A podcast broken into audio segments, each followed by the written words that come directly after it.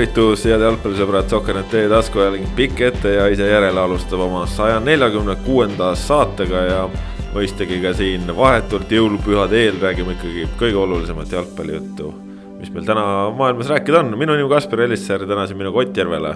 tervist. ja puhkuselt naasnud Kristjan Jaak Kangur. tere, tere. Kuidas siis äh, eluke on siin äh, intensiivse puhkuse järel. intensiivse puhkuse järel jah, intensiivsest oli asi kaugel, aga ei ole neid äh, finantsvõimekust nii palju, et teha Eesti jalgpallurite selle hooaja kõige populaarsemat liigutust ehk Caniculov Meksiki. aga möödus hästi, jah, ebaintensiivselt, mis ju ongi puhkuse mõte tegelikult. Väga mõnus, äh, ilmateateid ka meil siin ikkagi kuigi Laura Johansen lootis kevadet, siis ikkagi jõuluks tundub, et tuleb lumi maha ja, ja. ja oluline uudis on see, et aknast välja vaadates korraks paistis päike. Õnneks see anomaalia läks nüüd üle juba, nii et. ja läks üle. täna räägime siis äh, koondise jalgpalli juttu, suures osas räägime natukene ka võõrsil pallivatest ja pallima hakkavatest Eesti koondislastest. ja saate lõpuosas räägime natukene ka sellest, mis meid premium-liigas uuel hooajal ees ootab. kes on juba lugenud möödunud nädalal, siis natukene Sokkernettis juba valgust heitsime sellelt, milliseks Äh, kujuneb siis uus aasta reeglite mõttes, seal on muudatusi ja sellest KTM reeglist ja, ja vahetustest ja kõigest sellest. saate teises pooles tuleb juttu ka, aga möödunud nädalal oli ikkagi selles mõttes päris nagu ebatavaline aeg ka ajakirjanduse mõttes, selles mõttes, et pressikonverentse ja siukseid üritusi Äh, toimus, äh, mis tavaliselt äh, detsembrikuus pole kõige tavalisemad. aga üks võib-olla siis kõige tähtsam, kõige märgilisem pressikonverents leidis aset neljapäeval, kui nüüd mälu alt ja päevade mõttes ja. ja see oli siis Jarmo Madikaiseni temale pühendatud Eesti naistekoondise peatreenerile, kes siis nüüd pärast ligemale nelja-aastast perioodi poolte kokkuleppel lahkub Eesti naiste A-koondise peatreeneri kohalt, jättes tooli tühjaks ja ühtlasi lahkub siis ka Eesti Jalgpalliliidust sellise naiste jalgpalli eest vastutava või selle arengu eest hoolitseja ametipostilt. Äh, no Ott, kas äh, oli see siis poolte kokkuleppel? no pigem oli, ma arvan, see ikkagi niimoodi, et, et eks Jalgpalliliit andis mõista, et niimoodi enam jätkata ei saa ähm,. aga, aga lõpuks see, et, et lahku mindi üksteise nagu selge lugupidamise saatel, see on muidugi tõsi ja, ja seda nagu ei tasu kuidagi siis maha salata, varjata või ka häbeneda, et, et on ka sellised lahkuminekud tippjalgpallis võimalikud. kuigi me neid pigem näeme vähem kui, kui teistsuguseid äh, treenerite ametist lahkumisi ähm,. noh, samas oli selge see, et Jarmo Madikaineni positsioon oli muutunud just nimelt naiste A-koondise peatreenerina üpriski no, no niivõrd tuliseks, et, et see ei olnud enam mõistlik, et ta seal jätkaks ühelt poolt tulemused, mis olid kehvad ja, ja millest on nagu võimatu mööda vaadata, tõsi, äh, see on ja peab paika, et käimasolevas valiksarjas muidugi kõik äh, keeruli-, äh, kõik lihtsamad mängud ootavad veel ees, ehk et need kaks vastast, Kosovo ja Kreeka, kui ma nüüd õigesti mäletan, kelle käest peaks olema võimalik nagu reaalne punkte püüda Nendega veel Eesti valikgrupis kohtunud ei ole, vaid on mänginud tippmiste naiskondadega, mis on, mis on muidugi keerulisem et, et see on nagu nüüd see ja teine osa siis sellest A-koondise tulisusest, Madikaini positsiooni tulisusest puudutab äh, suhteid mitmete juhtivate mängijatega, ehk et see, kuidas viimases koondise aknas ikkagi väga paljud äh, mängijad leidsid põhjuse mitte koondisesse tulla, see oli kõnekas, see näitas, et see usaldus on seal mingil moel kadunud. aga nüüd on küsimus see, et kas see usalduse kadumises on süüdi ainult Madikainen või mitte, ma arvan, et mitte vaid seal on oma vastutus ka mängijatel, aga samas on selge see, et kui äh, säärane olukord, kus suhted on jõudnud punkti, kus neid pole enam võimalik äh, klattida, on jõutud, siis tippspordis on see alati sõltumata spordialast niimoodi, et äh, lahkub treener, sellepärast mängijate väljavahetamine on üpriski võimatu. Kristjan Jaak, tuli see otsus sinu jaoks üllatuslikult või, või ütleme, kogu see pind, mida Kott kirjeldas siin värskelt, oli nagu loonud mingisuguse pinnase selle jaoks? just seetõttu, mida Ott ütles. et, et see, see viimane, viimane või viimased koondise aknad, kus noh, neid signaale tuli juba selgelt, et, et noh, pigem, pigem mängijad nagu ei ole noh, väga rahul sellega, kuidas mängitakse ja, ja, ja tahaks nagu mingites asjades enamat. Ja võib-olla lihtsalt mingil hetkel ka see, et, et noh, kui sa mitu aastat teed nagu sama tööd, et siis see kuidagi nagu ammendab ennast, et sa ei suuda äkki enam midagi uut pakkuda, noh, see on kerge spekulatsioon, sest me päris täpselt ei tea, eks ole, et ja, ja ilmselt ei ole ka päris ühesed põhjused kõikidel mängijatel, ühe jaoks üks asi võib olla kaalukam, teise jaoks teine, aga aga täpselt nagu Ott ütles, et noh, võrdleme võib-olla natuke, natuke äkki äkki meestekoondise peatreeneritest äkki Magnus Pärssoni minekuga, et noh, polnud tulemusi ja ei olnud ka nagu sisekliimat, aga mängijaid see kõiki välja ei vaheta koondises, see on selge. ehk siis tuleb lahkuda treeneril, et, et mul on ka väga hea meel, et see asi suudeti lõpuni viia niimoodi viisakalt, meeldivalt. et noh, kummalgi osapoolel ei jää nagu halba maiku, et, et noh, treenerite lahkumine ametist on tavaline jalgpallis ja me oleme näinud viimastel aastatel, ütleme viimasel kümnendil et, et see, see periood tegelikult aina, aina kahaneb. ta, ta ongi minu meelest nagu jõudnud juba nii noh, nap-, napiks kahaneda, et ega enam vähem, vähemaks ei saagi nagu naljalt kärpida. ja, aga no ma arvan, me siiski Eesti naiste jalgpall ei ole hetkel valdkond, mida me saaksime, ütleme maailma tippjalgpalliga siiski võrrelda, et siin, siin need olud ja tingimused on natukene teised ja seda eelkõige kirjeldab muuhulgas ka ju Matikaineni äh, töö, mida ta Eestis tegi, mis ei olnud, tegelikult ta ei olnud naistekoondise peatreener. vaid ta oli naistekoondise. seda oli ka ikkagi ah? seda oli ka ikkagi. ja, ei, ei, aga tema amet, amet see, et ta oli naistekoondise peatreener ja Eesti naiste jalgpalli valdkonna arendaja, ülesehitaja ja naiste jalgpalli treenerite koolitaja. ehk et ta tegeles tegelikult sellise naiste jalgpalli tehnilise direktori tööga Ehm, ja, ja. ja, ja ärme unustame seda, et, et kui me räägime Eesti naiste jalgpallist ja nüüd selle Eesti naiste jalgpalli tipptasemest ehk siis koondisest. et me, me noh, saame sõna professionaalsus tarvitada ainult nagu töö tegemise ja lähenemise osas. no aga, kui, kui see seal on, on ju. kui see seal on, no ma loodan, et on ja, ja aga, no, koondises ma usun, et on. koondise tasemel kindlasti on, eks ole, noh, ka meie tippklubides on, on selgelt nagu näha, et, et suund on, on väga-väga hea ja õige. aga me ei saa rääkida profimängijatest nagu selle sõna nagu traditsioonilises mõttes asi, mida Madikainen kogu aeg korduvalt ka rõhutas, et e, e, enne veel seda, kui oli probleem nagu, et noh, mängijad ei soovi tulla, oli ka ikkagi selge probleem selles, et, et noh, ei saa tulla.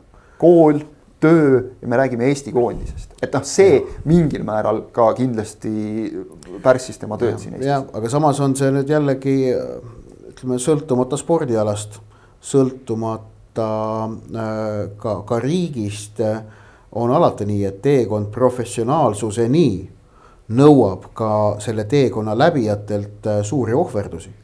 Ähm, ehk et kui on, on vaja seda sisemist tahet äh, elada ja käituda profisportlasena ennem, kui sa hakkad saama tegelikult seda tasu, mida profisportlane saab. ja sageli juhtub, et sa lõpuks selle profisportlase staatuseni tasu mõttes ei jõuagi. sääraseid ohverdusi tehakse kõikidel spordialadel igas maailma otsas sportlaste poolt pidevalt. Äh, küsimus on nüüd see, et kas sa jõuad sinna sihile või mitte jah, ja vaata, küsimus ei ole praegu nagu ma saan aru, et Eestis ka olnud nagu see, et, et kas, kas mängijad tahavad neid ohverdusi teha, vaid kas neil noh, kas Eesti rahvuskoondisesse kuulumist näiteks koolide puhul, tööandjate puhul peetakse üldse nagu piisavalt väärikaks, et seda, seda võimaldada. tegelikult nagu mujal maailmas, noh, sa näed, et see, see on auasi.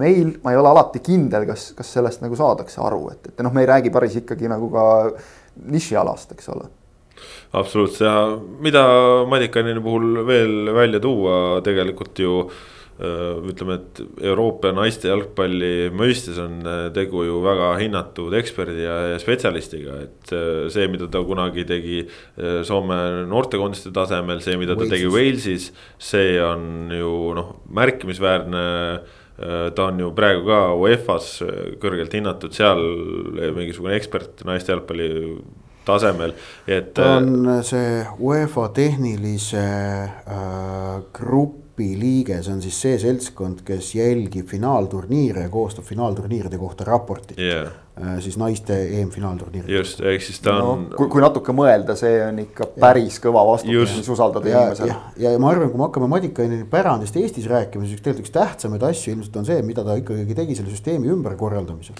et see, mis A-koondisega noh, tulemusi ei tulnud, noh ei tulnud, on ju, et, et äh, aga, aga see süsteemi, noortesüsteemi ümberkorraldamine või üldse korraldamine, seal süsteemsuse loomine, see on see, millest on loodetavasti tõuseb suur kasu. ja see, et me oleme jõudnud nüüd selleni, kus Jalgpalliliit ütles välja, et, et nüüd kavatsetakse lahku lüüa see sisulise töö pool, mida sa pead tegema igapäevaselt ja siis teine ikkagi koondise peatreeneri koht.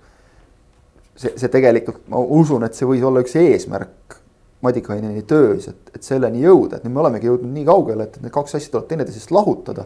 sest et kui muidu sai veel nii, et, et noh, täpselt nagu Ott ütles, et sa teed seda Eesti naiste jalgpalli vedamise tööd ja noh, siis selle kõrvalt vahepeal ka, kui on koondise aknad, oled koondise peatreener. et enam see, et enam nii ei saa, see on tegelikult hea märk ja, ja noh, ütleme siin, kui alaliidu juht on rääkinud naiste jalgpalli arengu mingisugusest etapist, siis on suhteliselt palju, on sellist analoogiat meeste jalgpalli ja üheksakümnendatega, kus toimus ka ülesehitusfaas ja tegelikult Ott, sa ju leidsid ka päris sellise kihvti paralleeli üheksakümnendast ühe treeneriga, kuidas see Madika ennega ka, et, et roll, roll ja lahkumine nagu.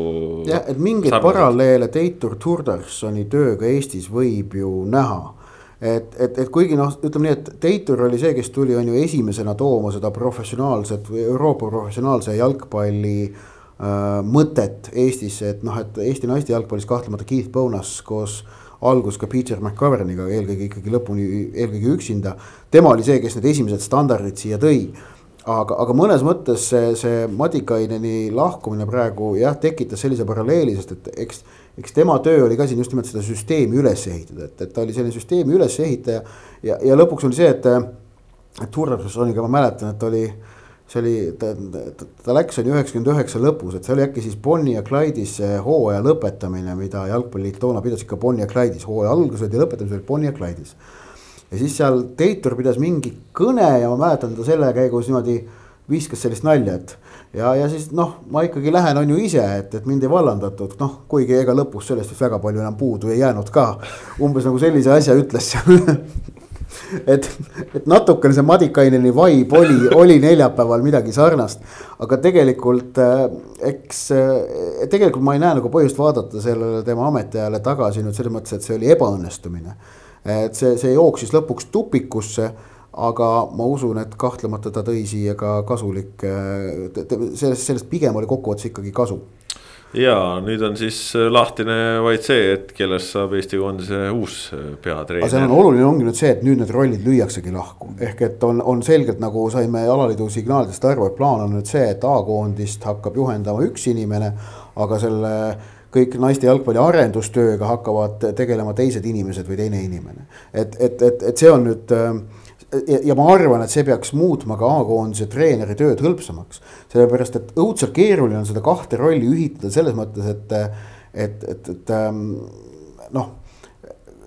A-koondise peatreenerina oleks tal vaja kõik see muu nagu kõrvale jätta ja välja lülitada aga kui sa samal ajal vastutad kogu selle asja nagu arengu ja ülesehitamise eest, on sul üpris lihtne paratamatult, ma kujutan ette sisemiselt võtta nagu vastu A-koondise peatreenerina mingeid otsuseid, mis seda ülejäänud tööd kas aitavad või toetavad või õigustavad no ei saa välistada, et näiteks äh, kaks inimest teevad korraga mõlemat tööd. noh no, võib-olla te,. tehniliselt ju on ka selline variant on äh, võimalik. kui on hea, no selles mõttes, et noh koostöö peab toimima nii või teisiti, eks ole. et äh, jah, kuidas nad omavahel nagu jaotavad need, see on, see on nüüd omaette teema, aga aga me teame, kes ei saa peatreeneriks, et see on. ja see oli vajalik, vajalik üle küsida väga konkreetselt äh, pressikonverentsil, küsisin seda ka, et kas siis Aleksandr Živoldajeva, kes noh, oleks muidu kõige loogilisem äh, mantlipärija A-koondise troonile siis, juhendaja troonile, siis sealt tuli jah konkreetne vastus, et ei saa, sellepärast et tema ülesanne on praegu see tüdrukute noortekoondis koduseks finaalturniiriks viia siis seisu, kus, kus midagi seal saavutada, et seda projekti lõhkuda ei saa, aga oli aru saada, et enne seda, kui tuli see tüdrukute finaalturniiri korraldusõigus, no jutust oli, oli aru saada, et noh, idee tasandil muidu Ševaldajeva äh, oli ilmselt üks tõenäoliseid no,. no see... väga raske on ka tõesti ja. jõuda selleni, et, et kui sa oled tulnud nagu naiskonnaga aasta, mitu aastat järjest Eesti Neil. meistriks. just, et, et siis, äh, ehk siis eh, noh, nüüd ongi huvitav, et kes siis lõpuks leitakse ja, ja kas siis eh, need inimesed eh, tunnevad ka, et ikkagi, et nad ei ole nii-öelda teine valik või, või midagi taolist, on ju, et see on. Noh, samas kui sul ikka koondise peatreeneri kohta pakutakse, siis sa võib-olla neelad selle alla, et, kellelegi on veel enne sind pakutud, et see on ju ka selline jalgpallitreeneri töö osa, et, et. on küll. tippklubidesse siin tullakse ka viienda valikuna ja tehakse väga head tööd teinekord. no aga nüüd äh, küsimus ongi see, et kui palju on meil neid äh, naiste jalgpalli eksperte siit äh, kodumaalt, sest noh, tuli see, et tegemist on Eesti treeneriga, nii et on ka põhjust jaanuarit oodata. see samm iseenesest on sümpaatne, et, et, et Eesti treenerit usaldatakse, et see nagu välja öeldi, aga jah, siin ootame huviga. jaanuaris lubati, et, et jaanuarikuu jooksul nagu saadakse asjad paika, tuleb saada ka, ega siin ei saa ju venitada just, vot nii palju siis äh, naiste jalgpallist, igatahes äh, põnevad ajad äh, ees ootamas ja, ja noh. ega kindlasti siit poole valiksarja pealt ei ole lihtne ka uutel inimestel tulla.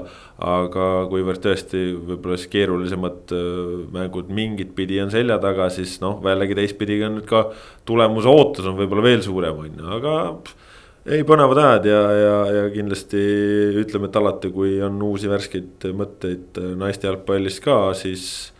siis ju kõik idee poolest tore, nii et äh, aitäh Jarmole selle perioodi eest, eks ta siin lõpus sai ka ajakirjandusega natukene äh, siin karvu pidi kokku minna, aga no käib asja juurde, käib asja juurde ja ma, ma ka olen nõus Otiga, et, et kindlasti nagu kogu sellele perioodile selge plussmärk.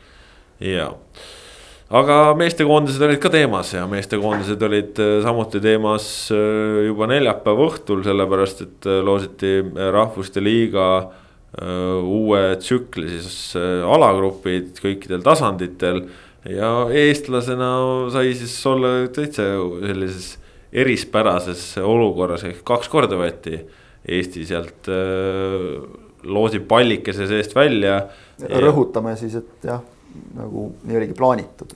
Erinevalt meistrite liiga jah, loosist. erinevalt jah meistrite liiga loosist, mis jah nädala alguses vussi keerati, siis äh, seekord äh, loos õnnestus ja Eesti on siis lihtsalt koos Küprosega antud hetkel kahasse oma loosimistes, sellepärast et ei ole teada kumb mängib C-tasandil, kumb D-tasandil, see selgub märtsikuus, kui kaks korda omavahel vastamisi minnakse.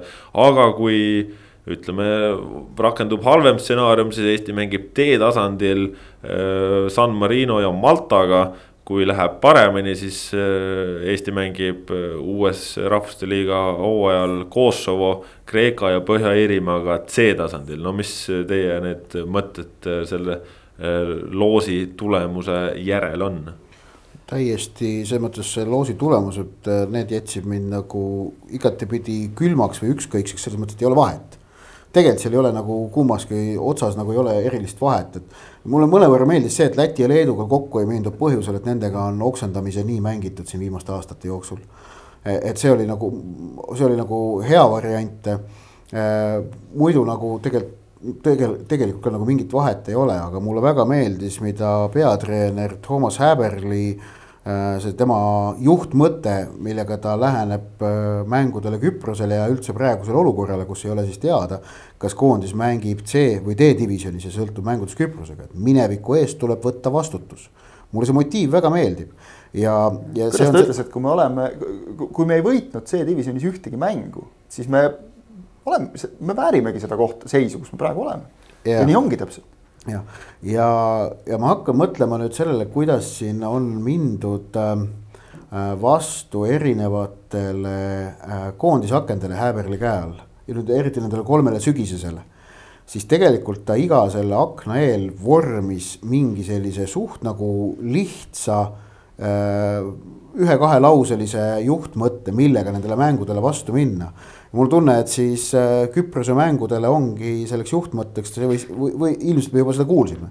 et mineviku eest tuleb võtta vastutus, ehk et see on selgelt äh, mängijatele signaale, et äh, nagu mingeid vabandusi tegelikult ei ole, et, et ei ole niimoodi, et et nüüd need mängud Küprosega, et, et oleks võimalik seal kuidagi halbu tulemusi mingi varasema asjaga välja vabandada või midagi. kui, kui seal juhtuvad halvad tulemused tulema, ei ole, et, et see koondis on protsess, mis kestab nagu noh, mis pidevalt edasi liigub ja milles osalised peavad kogu aeg ka seal noh, juhtunu eest võtma vastutust, noh mitte nüüd noh, selle sõna nagu selles no, mõistlikus jalgpallilises tähenduses. Äh, mulle väga see motiiv meeldib, et, et sellega Küprose mängudele vastu minna, see tundub õige. no minu jaoks selles mõttes äh, loosimisel küll natukene on vahet, et seda D-tasandi mänge küll ei taha saada, no tõesti ei taha, no kui. ei no aga sa tead, mis sul seal D-tasandil mingid satsid tulevad, no selles mõttes ei ole vahet. seda me ju teadsime ette, et, et meil on noh, kas, kas C või D, et meile loositakse mõlemad, kes sealt tulevad, see on nagu suhteliselt suva, et noh, D-tasandil kui me tahame nagu tõsiselt. San Marino ja Malta vähemalt on nagu soojad maad on ju. jah, just, kui me tahame nagu tõsiseltvõetavad olla, et noh, siis D-tasandil tuleb ikka võita kõiki nagu, eks ole, ja C-tasandil noh. Seal... kui sa tead D-tasandil mängid, sa ikkagi nüüd liiga tõsiseltvõetav ei saagi olla, ma olen sihuke. no jaa, aga no kui sa tahad siis välja saada sealt, noh siis sa pead võitma, vahet pole, kes sul seal on nagu, eks ole, noh San Marinole on neid nagu siin mõni asi on tõestada ka veel, vanad võlad. ära räägi. et noh, okei okay,, ma jah, ei hakka nuga avaseerima. millegipärast olen see... oma silmaga näinud seda kohtumist. No, kõigil meist on kaunid mälestused sellest. C-tasandil San Marinoga null-null. jaa, nägin, oli ja. huvitav mäng Aleksandr Dmitrijev oleks pidanud viieteistkümnendal sekundil punase kaardi saama, aga ja. Felix, Felix Brich halastas ja andis kollase. aa, oli, tema oli ju kohtunik, meil oli eliitkohtunik. ja, ja, ja, ja seal. eliitmeeskonnad eliitkohtunik aga äh,. huvitav, mis ta halba oli teinud, et siukse karistuseks oli saanud? ja see oli nii ammu, et see ei olnud veel nii eliit. ta ei olnud nii tegija siis veel äkki. ma, ma isegi täpselt neid asjaolusid ei mäleta. Äh, aga mis ma veel tahtsin öelda, on siis see, et, et äh, tuleb nagu tähele panna ka seda, et siis äh, jaanuaris-veebruaris või noh, tähendab jaanuaris koondisel sedapuhku mingit kogunemist plaanis ei ole, et kui Häberli mullu käis meeskonnaga Marbellas ja mängisid Ferencvarosega treeningkohtumise, siis sel Äh, enne, ennem nüüd märtsikuist Küprose mängu ühtegi kogunemist koondisel ei ole. Äh, selle jaoks reaalselt ei ole lihtsalt kalendris aega, ma uurisin Jalkaliidus ka seda, et, et neil ei ole noh, kuna, kuna noh, näiteks Flora, kust on väga palju mängijaid koondises, naaseb puhkuselt jaanuari keskel, siis reaalselt võttes ei ole aega, kus nagu koondisega veel kuhugi minna, et, et klubi enda ettevalmistus on niikuinii tavapärasest lühem. Äh, ja, ja, ja seetõttu koondisel siis see, sel talvel laagrit ei ole Äh, noh, kuna see laager niikuinii peaks eelkõige koondama siis Eestis mängivaid jalgpallureid, siis, siis ka jah. et aga, aga ma ei näe, et see oleks ka probleem, sellepärast et äh, selgelt on näha, et ka nüüd sügisega on ju koondise tuumik äh, jalgpalliline kreedo, need on kõik välja kujunenud, ma ei usu, et need mõne kuuga kaotsi lähevad. ja on näha ka selgelt, kuidas Häberli äh, sedasama noh, koondise nägu äh, hoiab äh, üleval sellega, et ta suhtleb, on ju, mängijatega koondise pauside vahelisel ajal ja, ja räägib nendega ja. ja, ja see nagu näha on, et see protsess seni vähemalt on toiminud, selles mõttes ei tasu karta. ja, aga kui me vaatame seda C-tasandit, mis siis äh, ideaalis on meie pärusmaa alates suvest. Äh, Kosovo, Kreeka, Põhja-Iirimaa, no väga palju halvemini või ei oleks saanud nagu minna selle. aga mis seal paremini oleks saanud minna väga? No Kreeka, Kosovo mõlemad kindlasti oma sellest äh, pottidest ühed tugevamad võistkonnad, et sealt nagu natukene oleks saanud pehmemaid valikuid, Kreeka on ikkagi Euroopa meister ja Euroopa meistriga sa ei tahaks mängida C-tasandil. viimati Eesti mängis Euroopa meistriga C-tasandil, võideti võõrsil. nojah, nägin ka seda, nägin ka seda mängu äh,. ütleme ja. nii, et ja, ja. asjad langesid kokku. jah, ei oli ka huvitav mäng. minu meelest on seis see, et noh, et. Äh, no loos, loosimine, loosi, loosiga on alati see. kui me Viaplay's Markus Jürgensoniga seda asja kommenteerisime, siis nagu tegelikult selle loosimise käigus tuvastasid sa väga selget asjaolu, et noh, et Euroopa jalgpalli tase on ikkagi noh, täiesti ulmeliselt kõrge ongi jah. koondiste, koondise jalgpalli tase Euroopas on ikka täiesti ulmeliselt kõrge. et sul on C-divisjonis ka nagu noh, ikkagi igas mõttes nagu tugevad, väga korraliku jalgpallikultuuriga koondised ja noh, see, et sul B-divisjoni tõusis Armeenia, et, et see nagu noh, et, et nemad seal on, siis on see, see oli enam nagu ainukene anomaalia et väga nagu noh no, ei, ei tasu nagu oodatagi midagi kerget, ma nagu väga ei paneks ausalt öelda sellest nagu.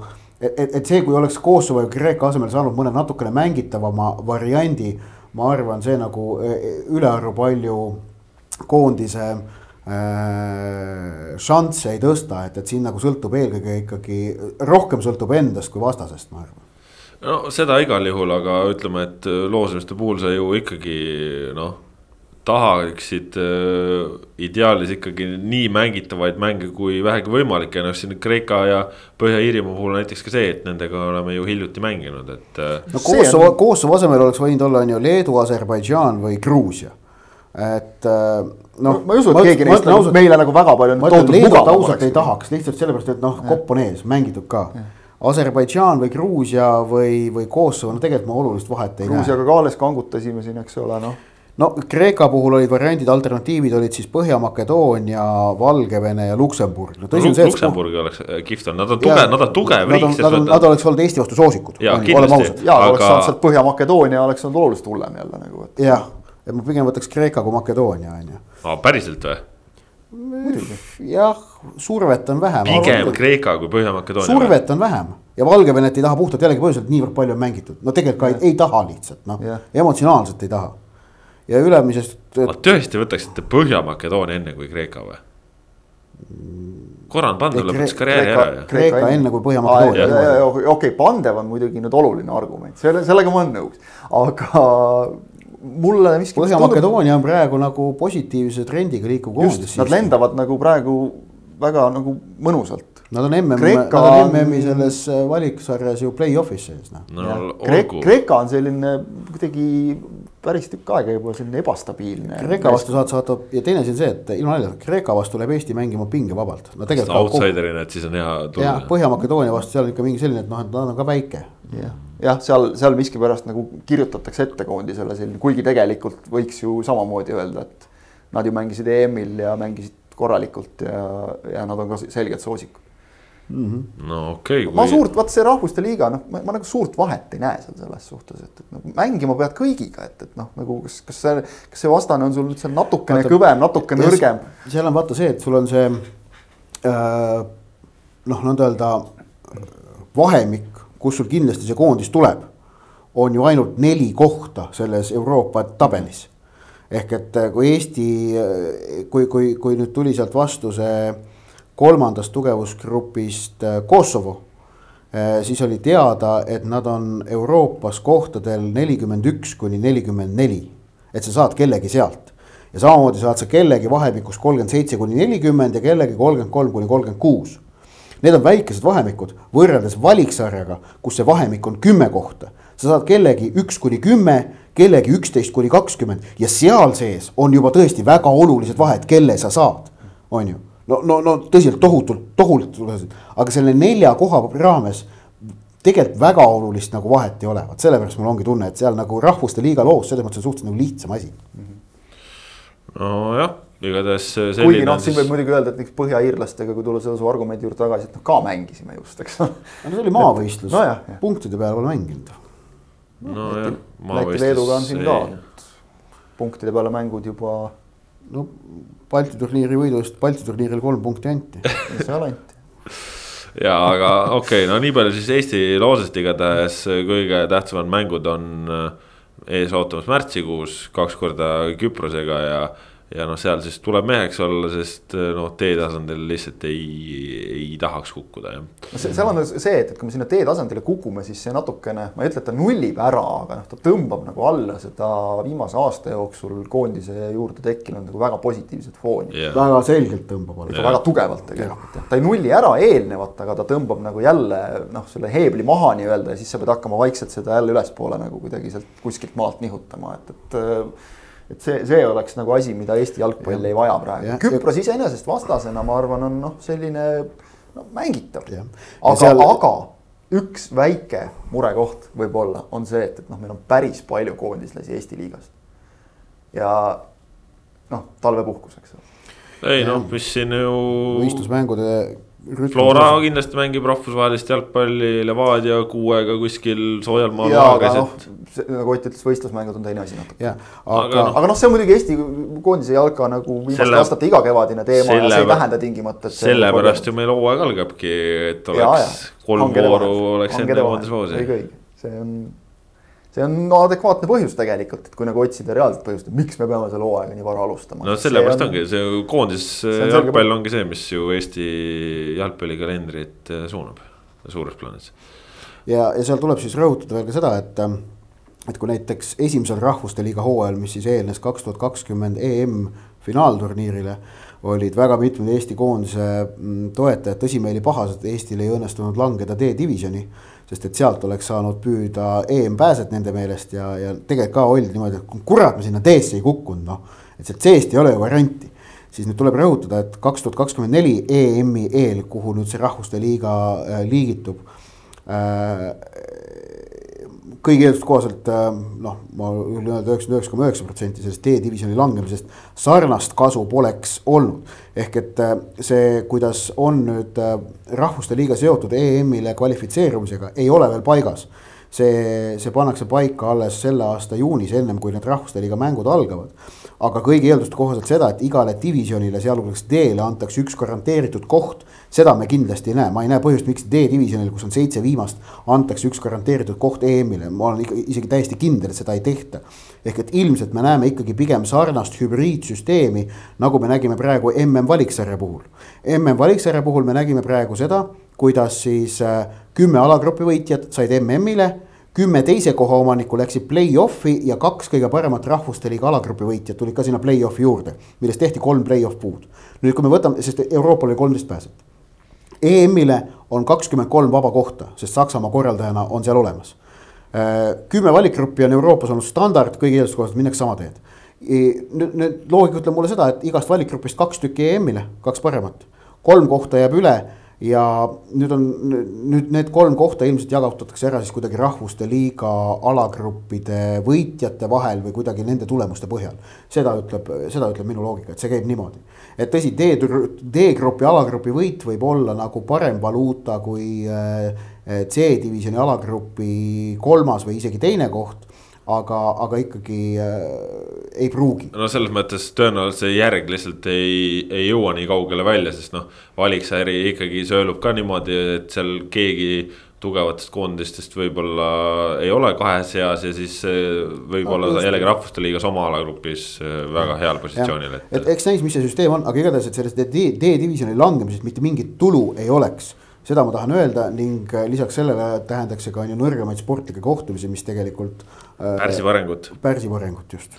aga BA tasandil ka. vägev.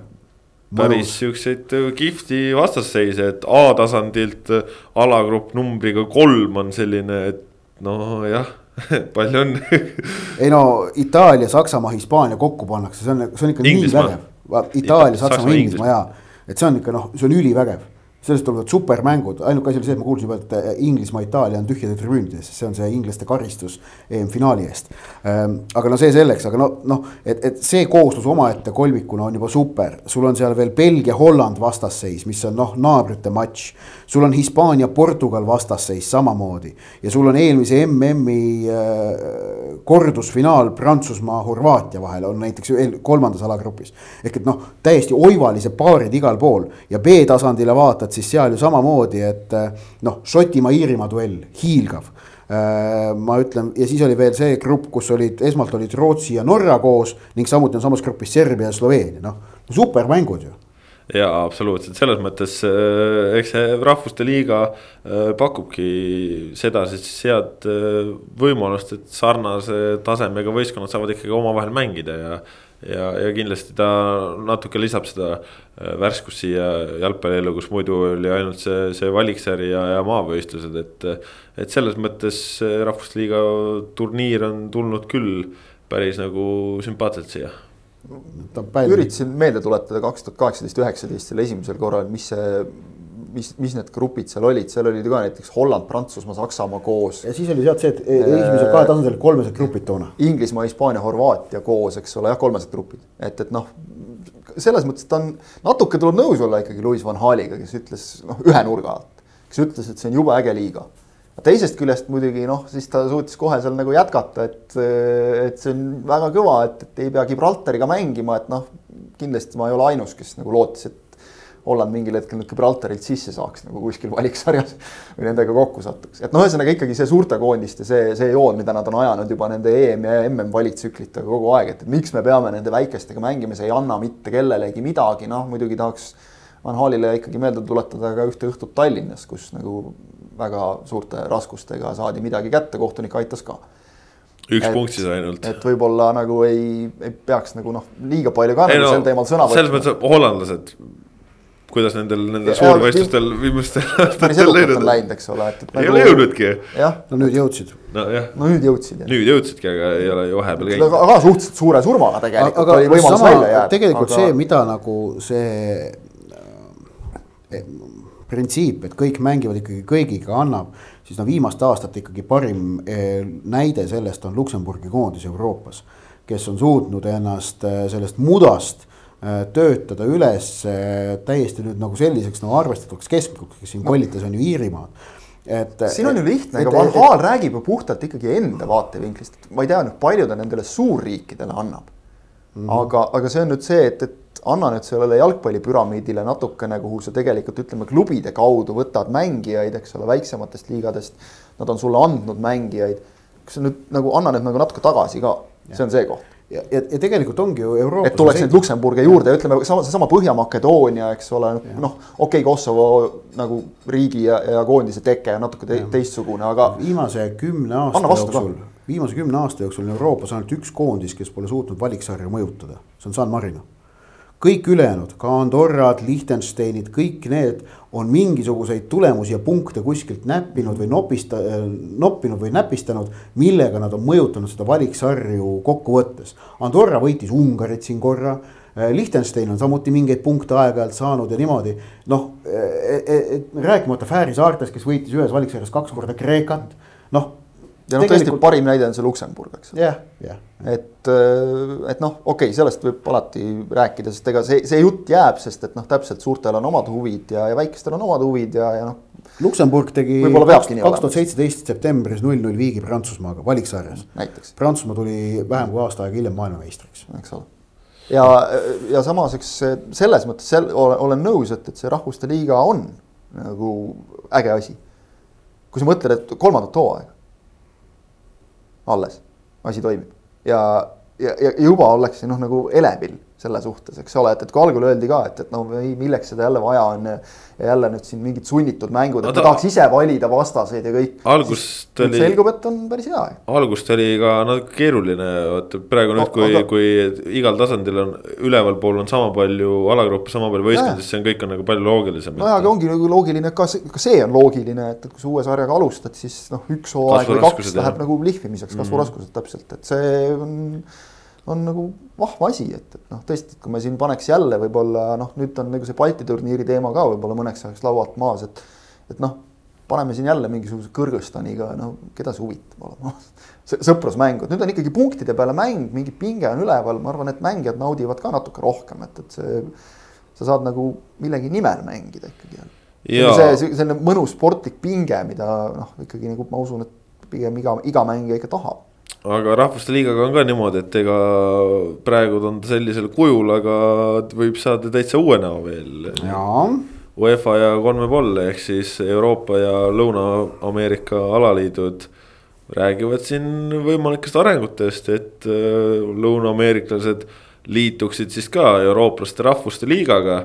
Äh, mis oleks selles mõttes täitsa nagu äh, ma ei, ma ei tea, kuidas need lõuna-ameeriklased, kes seal kohapeal on selles nagu suhtuvad, et nendel pole enam koondis ei mängi kodumaal jalgpalli nagu rahvuste liiga mõttes, aga kindlasti koondiste, ütleme sportlaste vaatevinklist, et kui nad ei peaks üle lombi lendama, enamik niikuinii mängivad Euroopas, saaksid siin mängida tugevate Euroopa vastastega, nemad on ju ka muidu seal omakeskis lasevad kogu aeg, palju neid seal on, kaksteist või, või kümme, kümme, kümme, kümme riiki? ei no tähendab, see ei mõjutaks kuidagi Lõuna-Ameerika valiksarja, mis toimuks edasi sellisel moel, ehk et nad mängivad kaheksateist vooru ehk kaheringilise turniiri aga neil on selle jaoks aega kõvasti, sellepärast et Lõuna-Ameerika valiksari reeglina algabki juba kaks pool aastat enne MM-finaalturniiri.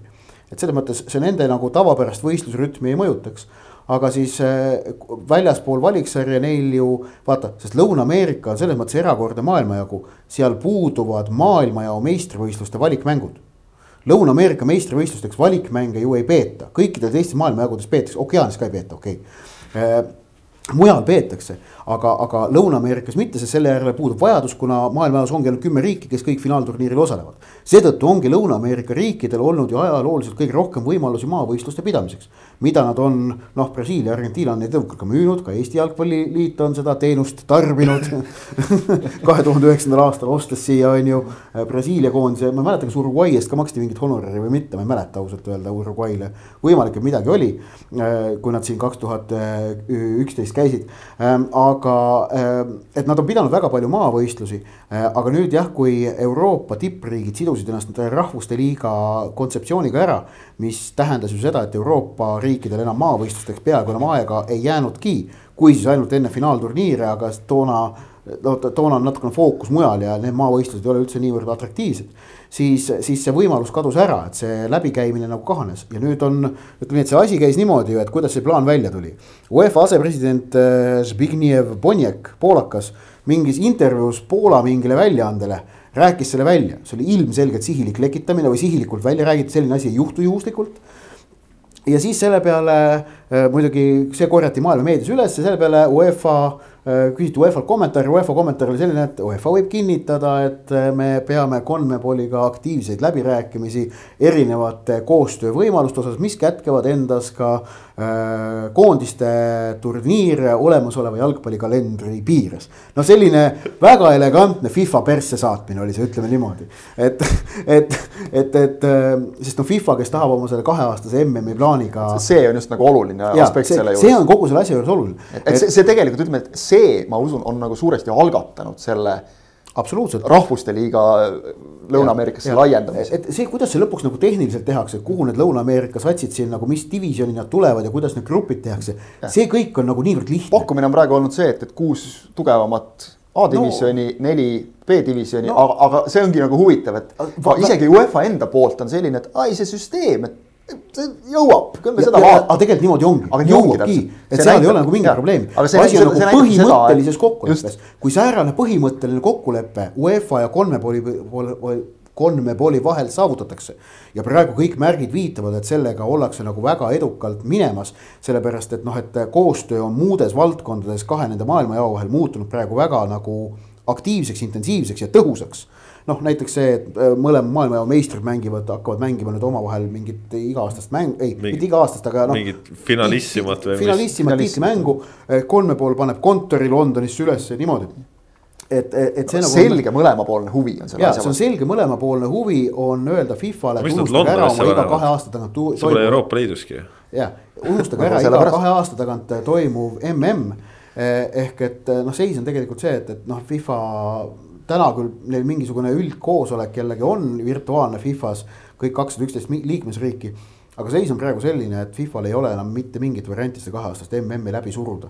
et noh, siin on praegu on näha, et Euroopa ja Conmebol on seljad niimoodi kokku pannud, et ja ilma nende kaheta sul MM-i ei ole. ja ei nii ole. ongi noh, sa noh, palju õnne Aafrika-Aasia, mängige oma MM-finaali Guinea versus Lõuna-Korea ja vaadake, keda see huvitab aga noh, siin oligi samal ajal nüüd jällegi ju tuli uuesti ka üles see FIFA suur uuring, mis paljastas. see uuring, see on ju täielik. see, soovitan seda uuringut, sellest kirjutas Raul Ojasaar Jalkas väga Just. täpselt, et kuidas, kuidas, mis, no ütleme siis tõesti jutumärkides meetoditega need, need on nagu läbi viidud. Need on sellised noh, esiteks on küsimused natuke stiilis, et kas olete hommikuse konjaki joomise juba maha jätnud ja, ja teiseks on ka tulemusi tõlgendatud noh, ikka väga oma suva järgi, et. et, et see, kui ma ütlen, kui mulle pannakse nagu kaks halba valikut ette ja ma ütlen, et ma ei tea, et, et noh, et kui ma pean valima, et siis võib-olla see. ja see tõlgendatakse noh, sisuliselt nagu, et vot ta tahab seda. siis noh, ütleme kogu see asi nagu jätab ikka väga halba maigu asjale juurde, et kergelt.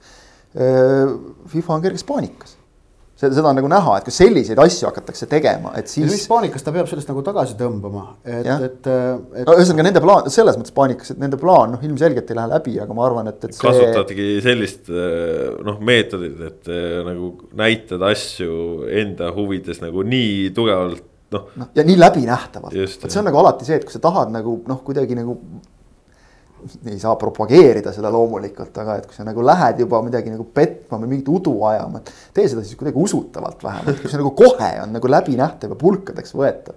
et siis see minu meelest nagu näitab mingit sihukest rapsimist alati või, või seda, et, et noh, siis kas peetakse kedagi nagu täiesti lolliks ja, ja noh, selle näevad inimesed alati läbi.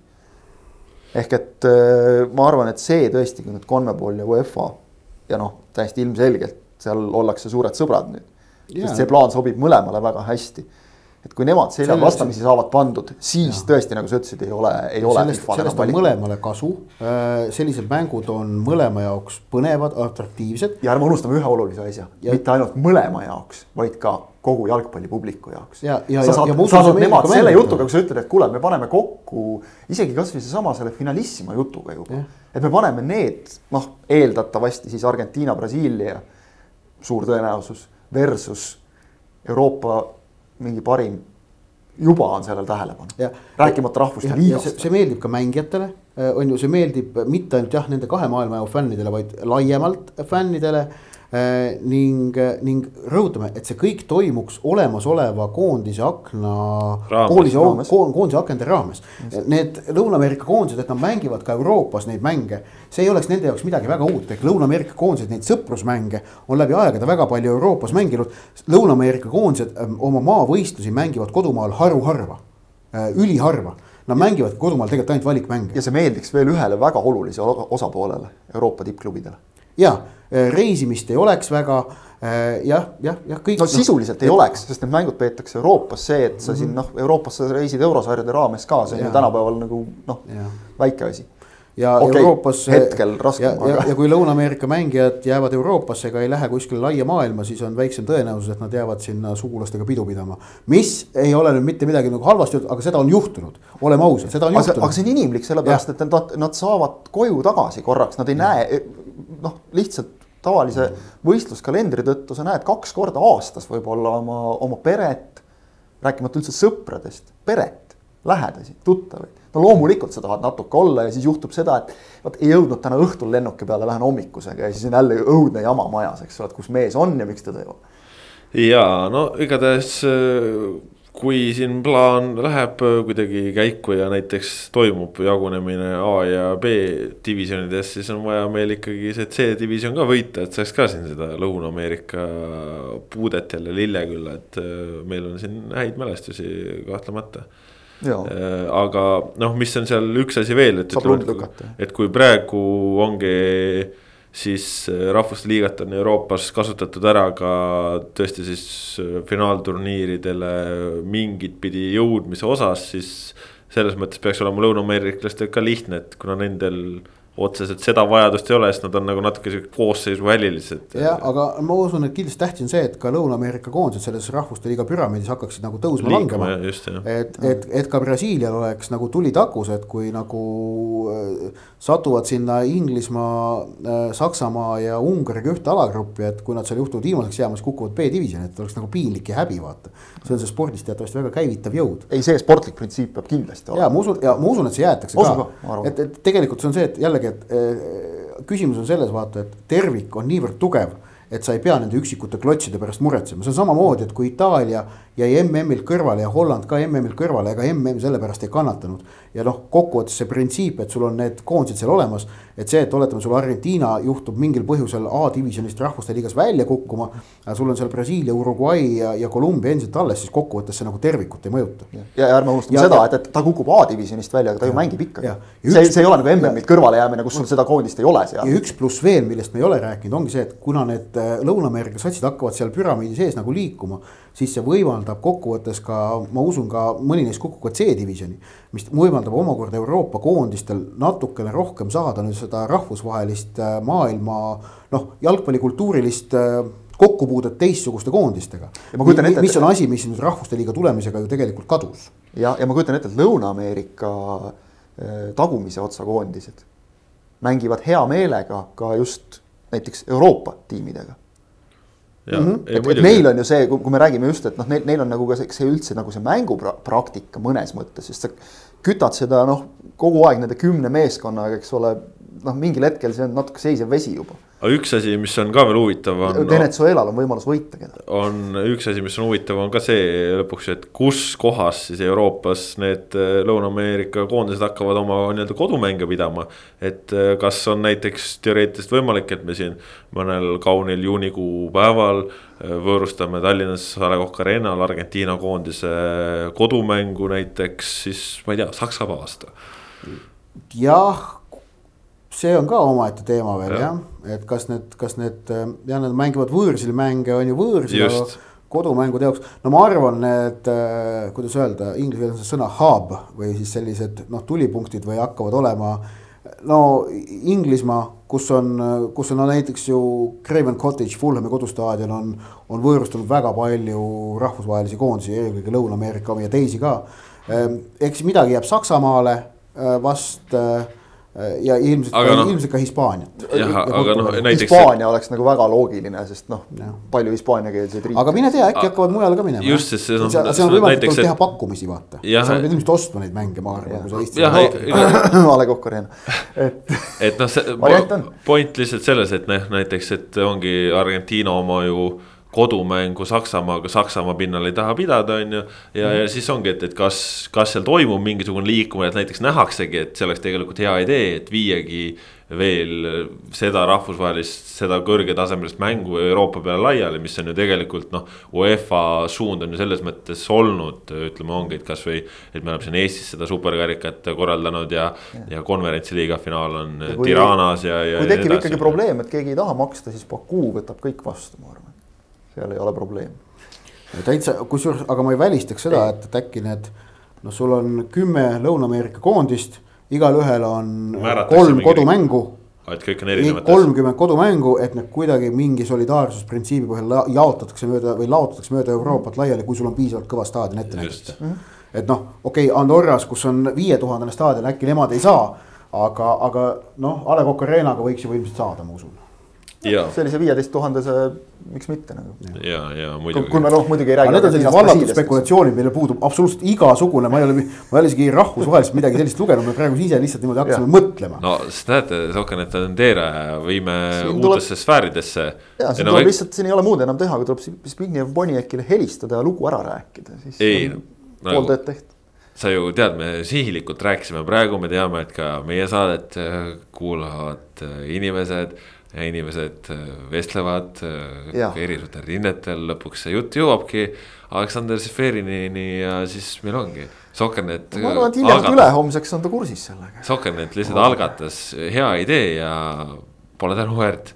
ja nii nagu me neid. ootame Argent-, ootame Argentiinat. umbes samamoodi nagu me Eestis siis mängijate üleminekuid korraldame ikkagi igal aastal tükki paari jah, just, just, aga tegelikult siit ongi paslik võib-olla minna nende üleminekute juurde ka. Lähme jah kõvatamise juurest nüüd päris asjade juurde ka nagu. ja et äh, möödunud nädal tõi ühe sellise oodatud uudise ja hea, et ta nõnda kiirelt tuli, ehk siis äh, Matvei Igonen, Eesti koondise ja FC Flora väravvaht äh,. noh, Florast on loodetud, et äh, läheks nüüd tänavu talvel mängijaid edasi oleme endiselt äh, uudiste ootel, aga, aga tore on see, et juba esimene tuli nõnda ruttu ära, Matvei Igonen siis siirdus Poola. küll aga siirdus siis äh, Poola esiliigasse äh,, Bielsko-Biala Podbeskidžesse, kui nüüd suurepärane hääldus kohe siit tuli niimoodi lennult välja. jah, Bielsko-Biala siis on koht. just. ja Podbeskidze on Poola keelt nagu arvestades on see suhteliselt nagu lihtsasti hääldatav nimi veel, et selles mõttes on nagu väga okei okay.. ma lihtsalt olin enda üle uhke sellepärast, et mul ei ole paberil seda nime kirjas ja, ja ma jõudsin ära öelda. sest esimese hooga ära öelda põhimõtteliselt, no ja. see on tubli. mis mõtted on siis? noh, ütleme nii, et, et vot siin Eesti koondislastel on, on nii mõnigi selline äh, üleminek viimasel ajal olnud, millega on kaasas käinud seesama jutt, et ei, et see on esiliigas nagu tugev sats ja noh, kõrgliigast alles sinna vajunud ja tahavad tagasi tõusta. noh, ja siis on pekki läinud nende tõusmistega. et selles mõttes muidugi noh, natuke ettevaatlik nagu tasub olla aga samas need, kes siin nagu õudselt nagu ninaga viskab ja, ja nuriseb, et, et noh, esiliiga ja mis asja. vot see, sellest nagu ka hästi aru ei saa, ärme unustame seda, et äh, tegemist on, punkt üks, tegemist on väravavahiga, mitte väljaku mängijaga. me kõik tahaks, et ta mängiks. ta on Eesti koondise üsna selge number kaks. ja selles tsüklis me nägime, kui väga on vaja sul korralikku number kahte, Igonen tegi tegelikult äh, täitsa korralikud mängud. ja kui välja jätta see noh, kook Belgias, mida kõik no, said aru, et see oli kook, aga noh, tegelikult ta tegi viimased kaks mängu tegi korralikult. ta tuli ka sellest nagu välja nii-öelda selles mängu, mängus, et, et selles mõttes ei olnud nagu hull. ja me tahaks, et ta mängiks, ta ise tahaks ka mängida. seda arvestades ma arvan, et see ei ole üldse mitte nagu halb valik. ja seal tuleb ikkagi nüüd tähele panna seda, et noh, et et või asi, mida me võib-olla siin vist Eestis väga ei teadvusta Äh, uurisin natukene siis noh taustasid inimeste käest, kes asju natukene teavad, et. et lihtsalt me ei, me ei saa aru, et kuivõrd suur riik on Poola mm. -hmm. tõsi, Poola klubide eurosarja tulemused on olnud suures plaanis kehvad ja nad Euroopas väga palju mingit läbilööki pole küll saavutanud. aga see ei tähenda, et neljakümne miljoni elanikuga riigi jalgpallis poleks raha. ja äh, jalgpallur on Äh, jalgpalluri jaoks jalgpall on töö, ta peab sellega teenima endale elatist. Kusjuures pidades silmas siis seda, et, et see elatise teenimise võimalus on ju seal kolmekümne viienda eluaasta kandis hakkab reeglina läbi saama. tänapäeval õnneks näeme, et karjäärid veidikene küll pikenevad. ehk et äh, puht nagu majanduslikus vaates Poola esiliiga suudab pakkuda vägagi arvestatavaid tingimusi. mulle noh, ütleme asju tundvad me inimesed äh, andsid mõista, et et ilmselt sellist palka, mida Igonen ilmselt võib teenida nüüd, hakkab teenima seal Bielsko-Bialas. Et Skandinaavia kõrgliigades kõik klubid seda talle kindlasti maksta ei suudaks. Noh, teine see, kas tahaksid, ehk et see on nagu asjade reaalne seis. Poola äh, ta ei ole, on ju väga selline bling-bling väärtusega koht, oleme ausad, no ei ole. aga samas teist.... sellepärast ja ta ei ole põhjusel, et just nimelt sellel klubid ei ole eurosarjades suurt midagi suutnud. aga mis, mis on Poola suur trump, on ikkagi fännikultuur ja see, et inimesed on staadionitel. ja, ja, ja, ja, ja, ja, ja, ja esiliiga staadionid on korralikud. ja neil on korralik infra ja seal, seal nagu ütleme, klubide professionaalsuse tase, ma olen aru saanud, on ka ikkagi täitsa nagu noh, kõrge. tõsi, seal nagu Poola üks, üks nagu probleem on, et, et, et noh. Poolas see jalgpalliklubide juhtimine on selgelt nagu emotsionaalsem võrreldes Lääne-Euroopaga kus sul enamasti süsteemid on nagu rohkem paika pandud, et sul selliseid noh, äh, kus, kus president äh, otsustab, käseb, poob ja laseb, et selliseid klubisid Lääne-Euroopas on vähem, Poolas on neid rohkem ehk et seal võivad nagu asjad kiiresti muutuda, nagu noh, Konstantin Vassiljev sai, on ju väga selgelt Klivitši Piastist tunda. et, et selliseid asju. emotsionaalset raha ja, ja tegelikult Ken, Ken Kallastele ju, oli ta vist Kieltši koroonas äkki või? jah seal talle ju paar korda või korra öeldi, et, et me sinuga enam ei arvesta ja lihtsalt lükati reservidesse. tõsi, ta võitles ennast sealt tagasi. et, et selliseid asju Poolas äh, võib ka juhtuda. vaatame praegu aga..., kus on, kus on Poolas kuulus Leegia, eks ole. Aga... eelviimasel real et noh, see, see, see ebastabiilsus on nagu see asi, mis räägib Poola vastu. ja, aga seis on see, et see on neljakümne miljoni elanikuga riik, mille jalgpallis on päris palju raha. aga, aga e-, ja eestlase puhul on niikuinii see, et, et kui Eestist keegi läheb, siis noh, saab see peatreener tõenäoliselt kolm, kahe kuu pärast kinga ja see, see on igal pool nagu, et seal ei ole vahet. kas Poolas või mujal, eks ole, et, et no,, et see. värav, väravvahi positsioon on natukene. no kindlasti jah, natuke, aga noh, okei okay,, nagu halb nali naljaks, et, et ma näen, et see võiks olla Igonenil hea koht, et noh, kus, kus vähemalt nagu garantiisid ei ole niikuinii, kus proovida läbilööki sest tegelikult nagu väravavahi kohta, noh, tal ei ole ju eriti vanust veel, et, et võib nagu teha. noh, no, no, noh, väravavahi koht on kakskümmend viis noor. jah väravavahi kohta ikka noh, ja arvestades seda, et, et sisuliselt on tal noh, panen hästi nagu niimoodi umbes, aga kümmekond aastat karjääri on selja taga juba samas. et seda ta vaadatakse, ma usun ka, et, et vaadatakse, tagasi. vaadatakse ju- aastal kuueteistaastased hakkasid premium-liigas mängima Jah. nagu, et, et siis noh Ja-, ja ma usun, ta- seda vaadatakse ka nagu võõrsi natuke, et oot-oot-oot, seal on meil nagu kogemust. Ja- ja, ja ja ikkagi on- nagu mängima stabiilselt. pluss ta mängib, ta on ikkagi koondisest mänginud sel aastal vist kuus mängu. Tal on lisaks on tal ka see, noh, ütleme see nüüd, ma arvan, klubi jaoks, selle Poola klubi jaoks ei ole asi, aga tema enda jaoks on hea see. et tal see Lilleströmi kogemus on ikkagi all, ta teab, mis välismaal ees ootab. klubi ise ei maininudki vist oma teates, et, et mängijaga nagu Lilleströmis vahepeal oli, see usun, nende et- jaoks ei olnud nagu siis selles mõttes ilmselt mitte, aga, aga ma usun, et CV-d nagu noh, CV-sid lapates nagu ikka vaadatakse seda ka, et, et okei okay,, mängija on välismaal nagu vähemalt käinud, eks ole, noh väravavai puhul sa ei saa nagu öelda ka, et näed, ta ei mänginud seal, et noh. Ju siis Natuke põrus mängis kuidagi. ka, ja natuke mängis ka, eks ole, aga noh, sa ei saa isegi öelda, kui ta ei mängi nagu, et noh, põrus, eks ole, või midagi, et, et aga, aga ta on olnud välisklubis, ta, ta, tal ei ole esimene kord, tal ei ole nagu selles mõttes seda kohanemisaega vaja, et. et- noh, seda on ikka vaja. no vähem vaja, noh, selles mõttes, vaja on muidugi alati igal pool, aga. ütleme pigem ta lihtsalt äh, võib-olla rohkem teab, mida oodata. ja, ja no ärme unustame ka ühte olulist asja nagu seda, et, et inimtüübid on erinevad. Ja, ja, ja noh, ütleme sellisele vaiksemale, rahulikumale eestlasele võib-olla tõesti mingi Skandinaavia klubi, kui nüüd hästi stereotüüpidesse laskuda.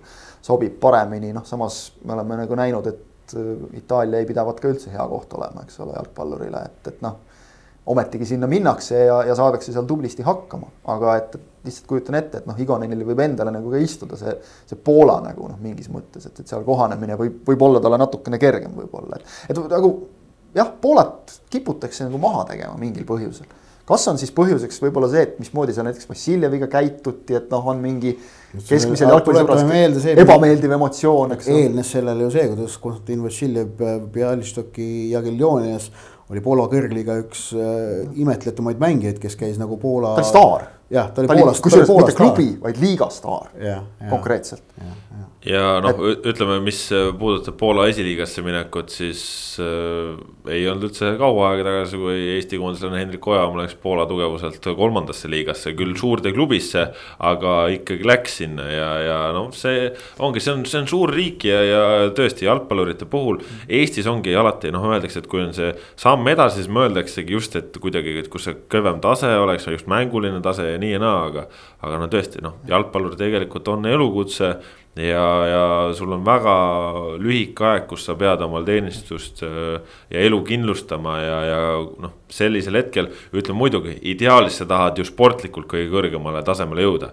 aga mingil hetkel sa pead ka nagu reaalselt aru saama, mis on su tänane väljavaade. ja võib-olla, kui sa kahekümne aastaselt veel unistad, et äh, tahakski Premier League'i Premier League'is mängida, siis noh, võib-olla kahekümne viieselt sa peadki oma äh, sellise mõttemaili ümber hindama ja, ja, ja lähedki võib-olla kuskil sellisesse kohta, kus, kus ongi tegelikult nagu kultuuri on, taset on ja saad raha ka teenida. sa tahad et, mängida ju. no ja selgelt on näha, et, selle, selle Podbeskici, noh, tal on väga selge ambitsioon kõrgliigasse naasta, nad eelmine hooaeg seal ju mängisid, praegu esiliiga tabelis neljandal kohal. et, et see on nagu selgelt ikkagi selline Poola esiliiga tippklubi. et, et noh, seal on arvestatav variant on või lootus on ka selle, selle satsiga kõrgliigasse tõusta. ja, ja, ja isegi ja, kui no, sa mängid ja noh, ütleme, kui nad ei, neil ei peaks see õnnestuma, kui sa mängid Poola esiliiga tipus. Noh, ma ei usu, et see nagu kahjuks tuleb. et, et see, see ei ole nii, et Poola esiliiga lõpp on mingisugused amatöörsatsid, kaugeltki mitte. et see on see, mis nagu Eestis unustatakse ära, et me kõik nagu tahaks ka umbes, et, et noh, et kui Zappinen lööb siin paarkümmend väravat, et siis, siis järgmine samm on Bundesliga või Premier League, noh ei ole tegelikult reaalselt ei ole jah et.... ja, ja õnneks nagu mulle meeldib, kui mängijad elavad reaalses maailmas ja teevad oma samme vastavalt sellele, mis, mis on reaalsus, sa, sa pead nagu tunnetama. see on muidugi keeruline, väga keeruline. aga sa pead tunnetama ära ikkagi selle oma taseme ja siis noh. Klaaveni karjäär, parim näide, eks ole, samm-sammult tuleb minna, siis sa jõuad sinna Bundesligadesse ja Premier League'idesse igale poole ka, kui kõik asjad kokku klapivad. ärme unustame seda, et ega siis need äh, Igonenid ja Zappinid ei ole ainsad vennad, kes tahavad välismaal mängida. Neid on kümneid tuhandeid jalgpallureid, kes tahavad ka sinna kuskile saada. Poola kõrgliigas on ütleme kõikides kõrgliigades, kui sa hakkad nagu võtma, on ütleme hästi laias laastus mõnikümmend meeskonda, esiliigas on mõnikümmend meeskonda või, või alla selle. ja igaühel on, ütleme, kaks sellist noh, väravavahti, kes võitlevad esivärava või koha pärast. kui sa nüüd hakkad mõtlema, kui palju maailmas väravavahte, kes tahaks nagu liikuda kuskile sellistesse liigadesse. ja see, et Igonen saab ja noh, ta ikkagi võetakse sinna nagu selle arvestusega, et ta hakkab, garantiisid pole, aga võitlema esiväravavahi koha nimel. päris kõva sõna tegelikult. Ei, ei ole nii, et sa lähed ja kõnnid uksest sisse lihtsalt igal pool. ja seda ei ole, äh, üks äh, jalgpallur veel, kes on siin võõrsil mänginud, Vladislav Kreida Florast laenul oli Helsingborgis Rootsi esiliigas. see oli nüüd positiivne näide selle nurga alt, et äh, saadi üleminekumängudes omale kõrgliiga pääse kätte. Kreida mõlemas üleminekumängus kuulus algkoosseisu, kuigi tal siin vahepeal oli olnud keerulisem periood, aga mis on nüüd siis siin äh, see võib-olla see märgilisem või kõneväärsem äh, on, on kõik see, mis sellele järgnes, ehk siis Kreidal oli siis laenuleping hooaja lõpuni, lepingus oli ostuoptsioon fikseeritud summaga, Helsingborg seda ei soovinud rakendada, aga nii klubil kui, kui mängijal tegelikult on mingisugune huvi koostöö jätkamise osas olemas ehk siis äh, nüüd on siis äh, laual variant, et kas äkki jõutakse kokkuleppele äh, uues laenulepingus, aga. aga noh, mida kokkuvõttes see meile, mis, mis sihukese õppetunni või, või mida ta näitab meile? no esiteks müts maha Kreida ees, kes mängis ennast koosseisu tagasi. et, et tal, ta, tal vist oli natukene just sellega noh, leppimisega nagu raskusi, et, et ta välja jäeti, sest noh, ikkagi koondise mees ja kõik müts maha Kreida ees ka selles osas, et kui ta koondises käis, siis noh, oli teatavat rabedust näha, aga üldiselt ikkagi Kreida koondise mängud pea eranditult läksid nii, et kui ta ka algul oli rabe, siis ta mängis ennast esimese kümneteist, viie, viieteist, kümne-viieteist minutiga nii-öelda mängu sisse ja siis juba asjad toimisid. ja, ja see, et ta suutis nendeks hooaja kõige tähtsamateks mängudeks nüüd saada koha jälle algkoosseisus kätte, kõva sõna.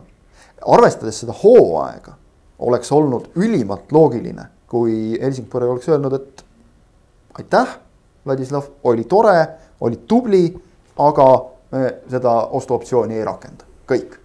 see, et Andreas Krankvist äh, spordidirektorina ütles nagu välja täiesti otse selle, et me ei välista teatud tingimustel koostöö jätkumist. see on minu meelest nagu väga oluline pluss või märk et, et kokkuvõttes Kreidaga ikkagi ma, mulle tundub, et nagu jäädi rahule, eks nüüd lihtsalt klubi ka praeguses olukorras peab kaaluma, et noh, milliste meeste eest kui palju välja käia, mida teha. uus laenuleping seal, ma usun, et ei oleks kummalegi osapoolele nagu halb lahendus nojah, selles mõttes, äh, mis on äh, siis võib-olla mu enda üks selline loogika, mille, mille pealt ma natukene mõtlesin. Äh, et mille pealt see mänguaeg võis ka siin vahepeal muutuda ja tagasi tulla, ütleme see, et kui. Kui sa oled esiliigas tippvõistkond, kes tahab väga palju palliga mängida, kes mängibki väga palju palliga. ja, ja kes noh, võib-olla kaitsetöö roll ei ole nii suur et siis seal võib-olla tahetigi keskväljal natukene, natuke sellist loomavat kuju. et just nimelt äh, lüüagi neid väravaid, selle pealt olla edukam, on ju. Ja siis no, teame, nüüd, kui oli. koondise üle... mängude pealt on näha, et Kreida nagu suurim, noh, kas puudujääk, aga koht, kus ta saab juurde panna, on just nimelt nagu mäng, ettepoole mäng. ja nüüd, kui olidki üleminekumängud, kus sa mängidki eeldatavalt endast ju tugevama vastasega, sest teine on ikkagi ju kõrgliiga võistkond, siis äh, seal sul ongi vaja sihukest lõhkujat ja selles ampluaas ongi Kreida väga tugev. ja noh, selle nurga alt tegelikult tegelikult see Rootsi kõrgliiga äh, võiks olla ka nagu väga kihvt, aga noh, muidugi natukene nagu kahju on, et. et Kreida ei suutnud jah nagu sellist muljet seal kohe jätta, et see optsioon oleks äh, ära makstud, et jah, aga ma usun, et ta suutis endast ikkagi nagu mingi märgi nagu rahvusvahelisel tasemel maha, maha jätta. ja, ja, ja väga oluline on see, et ta on teinud korralikke koondise mänge. et noh, klubis on alati nii, et noh, kõik, kõik mehed ei mahu platsile, see on selge.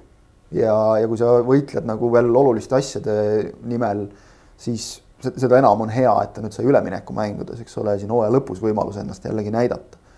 aga noh, jah, väga raske on midagi ennustada või, või nagu pakkuda, et kas ta nüüd nagu jät-, jätkab seal või, või kuskil mujal, aga ma, ma miskipärast arvan, et ka see Grankvisti väljaütlemine, et seda kahju talle nüüd kindlasti ei teinud selles osas, et, et kui, kui nüüd kuskil mujal peaks mingi võimalus avanema ja noh, igatahes saame näha siis, igatahes on siit jah, sihuke vastakaid emotsioone pakkuv esiliiga kogemus Kreida näol olemas. jääme siis ootama uudiseid veel Eesti pallurite talviste tegemiste osas, kuuldavasti neid on, neid on tulemas ja. ja, ja võib-olla üldse juba siin ka lähiajal midagi, midagi kuuleme, et on keegi ka omale saanud uue välislepingu, kahtlemata see on asi, mida ootame. koduliigast ka veel saate lõpetuseks nii palju, et äh, uus juhend väljas, mis uueks hooajaks äh, toob ikkagi märgilised muutused, ehk siis nüüd KTM reegel nii-öelda saab siis oma hetkeseisul sellise lõplikumat sorti kuju ehk siis, kui seni pidi kaks klubis treenitud mängijat äh, mängu premium-liigas alustama ja üks lõpetama.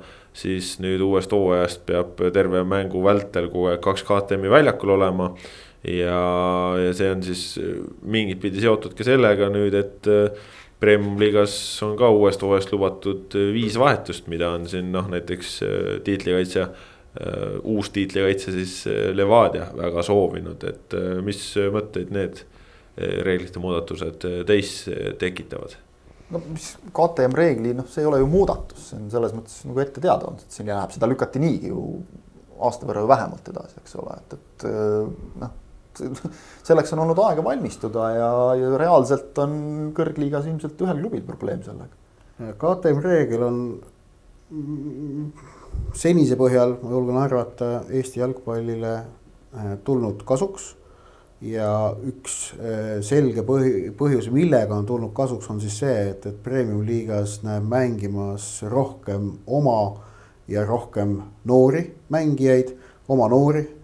Äh, mis äh, üldiselt spordiala kuvandile mõjub turgutavalt, ükskõik. halba idee. ükskõik mis spordialal jällegi vaatad maailmas, et noh, et kui oma noored kutid teevad, siis seda tahetakse vaadata ja kaeda et see on nagu üks asi.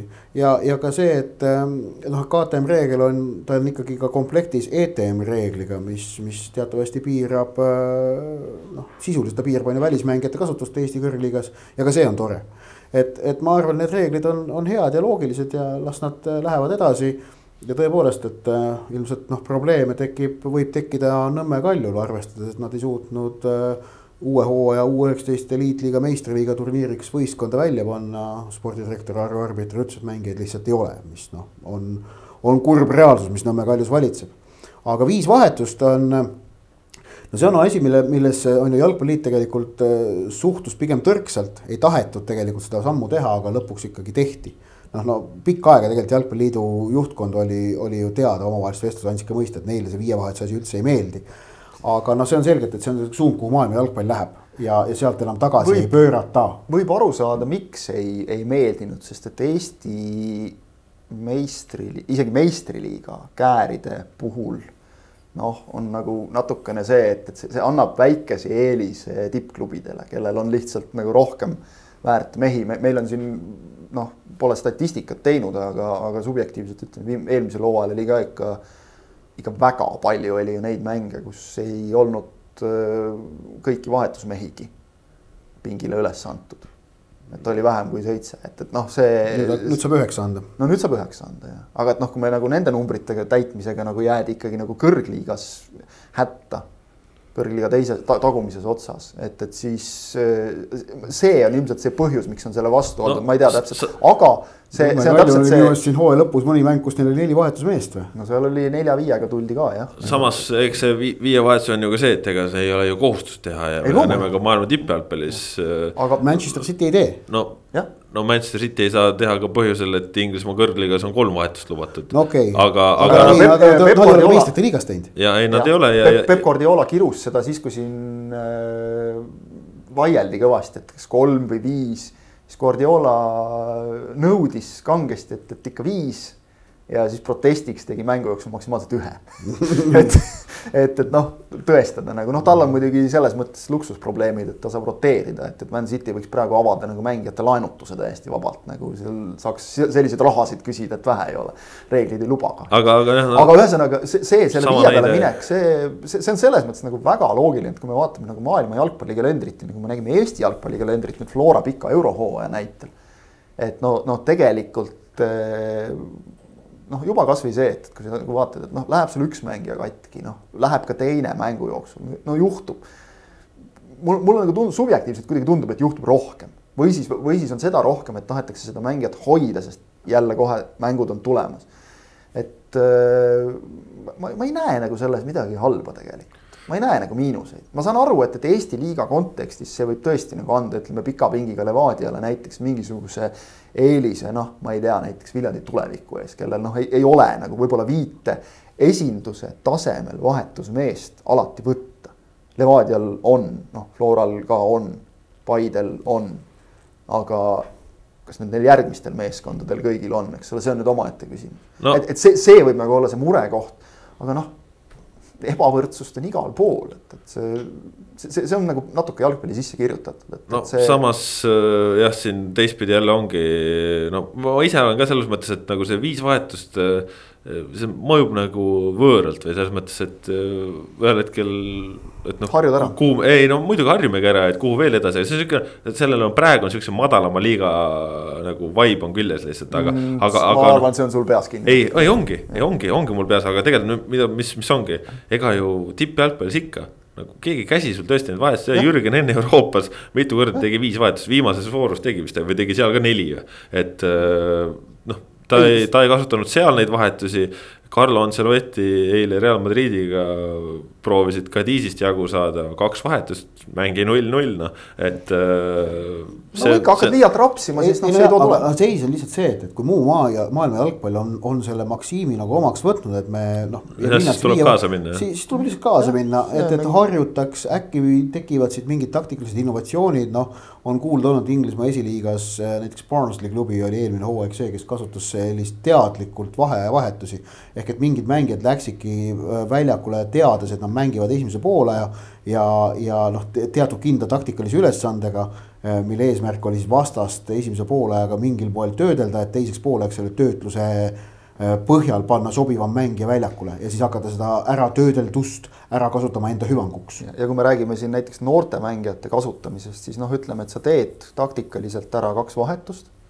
saad edu kätte ja võid nagu jätta võib-olla selle ühe, et, et noh, juhtub kellegagi midagi, vigastus, midagi sellist muidu võiks lükata seal või, või paned ühe noore mängija näiteks sisse, muidu võid sa seal teinekord lükata mängu lõpus ja. kolm tükki, las nad ja. saavad seda kogemust. maailmas ju see viie vahetuse noh, tuleku põhjused, noh, ta tuli esmalt on ju koroona tõttu mm, -hmm. aga see hakkas klubidele maailma tipus eelkõige meeldima just nimelt põhjusel. Et nad said hakata andma võistlusminuteid rohkematele mängijatele, eelkõige noortele. et üks asi on muidugi koormuse hajutamine, mis on ka tore aga ka tegelikult nende ütleme nõnda öelda tutvustusminutite andmine mm. -hmm. kogemuse, kogemuse andmine, kui sa saad anda, eks ole, noh, et vaatad, et okei okay,, ma annan nüüd siin viis minutit sellele noorele, noh, ta saab võib-olla kaks korda palli. aga nüüd sa saad äkki anda kakskümmend talle, ta saab mängida selle tasemel kakskümmend minutit, see on päris arvestatav vahe ja, ja see noorte mängimise suurem tõenäosus oli ka üks argument, millega siis jalgpalliliit ka selgitas seda, miks nad sellega kaasa läksid ja noh, mõistagi on. on ka see, et kui on viis vahetust, siis seda KTM-i reeglit ei saanud vanana ka enam hoida või edasi lükata, et siis.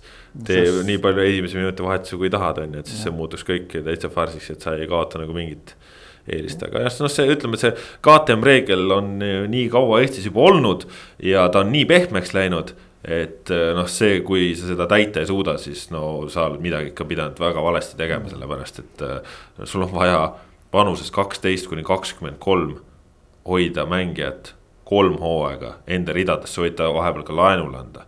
või siis lisaks sellele lihtsalt üks kahekümne kolme aastane mängija, kolm tükki, ükskõik mujalt kust, lihtsalt alla kahekümne kolme aastane mängija või kahekümne kolme aastane mängija, ükskõik kust, Eestist lihtsalt ja see on kunstlik KTM, see kui sa seda reeglit ei suuda täita, et noh, ma ei tea. või noh, kombineerida sealt hooaja lõikes, et sul oleks neid, ütleme noh, korralikul tasemel, siis noh, reaalselt peab neid olema ikkagi vähemalt nagu neli-viis, eks ole, et, et noh.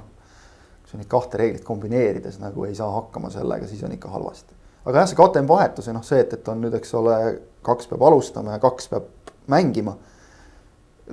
loogiline, see lõpetab noh ära need jantimised, eks ole ka nagu selle, sellest reeglist kuidagi mööda hiilimised, et, et jah, kui sa oled nagu, pole sellest välja teinud enne, siis, siis muidugi on raske siis muidugi on raske, aga kui sa oled teinud nii nagu näiteks Paide linnameeskond, eks ole, kellel praegu just nüüd eelmise selle lõppenud hooaja pealt sa võid kokku lugeda neid mehi, kes kes nagu nüüd tegid oma esimesed sammud meeste jalgpallis ja, ja lubavad sammud. ja, ja kes said ka just neid oma võimalusi, eks ole. Noh, ja kuidas sa tõstad, kasvõi lihtne näide, et sa te, teed nagu sihipärast tööd ka tõsta oma duubel esiliigasse. mitte lasta tal noh, ütleme paraku Nõmme Kalju näitel esiliiga B-st välja kukkuda, tõesti ei ole nagu eesmärk Kaljut kottida, aga see, see näide on praegu nagu selgelt olemas et, et kuidas isegi esiliiga klubid teevad tööd, et tõsta oma duublit, noh, vähemalt järgmisesse liigasse. Selleks, et, et, et siis esiliiga B-s saaksid need mehed, kes ei, ei mahu sul põhimeeskonnas peale, eks ole, mängida. see on, see, see võtabki aega. see on järjepidev töö, see võtab aega, aga see hakkab Paide näitel nagu vilja kandma ühel hetkel, et sul ongi seal Siim Aerud ja, ja, ja Rasmus Kallased, kes, kes, kes tulevadki ja, ja mängivad äh, nagu siin hooaja lõpus algkoosseisus Flora vastu, kui vaja on. Kallase näitel jah, vot äh, sellised olid äh, pikk ette ise järele saja neljakümne kuuenda saate jalgpallijutud, nii et äh, kuigi tõesti seda kodumaist igapäevast palli veeretamist platside peal enam näha ei ole, sest nagu näete, jalgpallijutt jagub ikkagi kuhjaga. soovime teile. kuusk kõigil toas. ei. minul on, eile tõin, nulg. nulu ju, siis see pole kuusk. no, see pole kuusk. ligi kaks meetrit, väga kaunis ja soovitan soovime kõigile rahulikku pühadeaega. nautige siis äh, kõvat äh, õnne, söömaaega. palju õnne ka Marko Savitšile ja Vladimir Vassiljevile, kes said värske lepingupikenduse. tõesti suur üllatus. see on pommuudis meisterklubi pikendas treeneritega, kes nad meistriks vedasid üle pikkade aastate lepingut kaheksa aastat. ei no selles mõttes nagu vahva, et noh, järjepidev töö on, on tore ju. jah, ja ega nad vist selles mõttes äh, jah, seal ju oleks võinud ju noh, nii-öelda printsiibis arutada, et kas äkki nüüd üks tõuseb esile. aga Savitsil pole ju vist pro litsentsi ka, et eurosarjas seda vaja ka mängida. nii et kaks peatreenerit, sihuke mõistlik lahendus. siin on, tuleb lihtsalt neid kuu parima auhindu vaata võimalikult palju võita, et, et saaks nagu mõlemale sealt ühele käekell ja teisele käekell see oleks nagu rahumaja. Ja, ja. selline sportlik väljakutse ja sel nädalal selgub ka see, mida teie, head äh, kuulajad, olete korda saatnud, ehk siis premium-liiga fännid lemmik äh, hääletus lõppes eilsega. ja nüüd siin lähiajal, äh, mitte veel täna, aga sõltub, millal, mis päeval te seda kuulate. igatahes selle nädala jooksul tuleb siis ka hooaja sümboolne koosseis ja, ja. kuulake ülehomme, siis on juba täna. jah, või siis on juba eile lausa, kui ülehomme kuulavad ma ei tea, jutud lähevad pikaks, jääme siin venima, igatahes nautige siis seda talve ja pühasid veel kord ja. ja selles mõttes teie jaoks midagi ei muutu, uuel nädalal oleme jälle teiega. nii et äh, Sokanet tee ja pikk ette ise järele igiliikurina läbi pühade. saate teed teieni Kaspar Elisser, Kristina Kangur, Ott Järvela, adjöö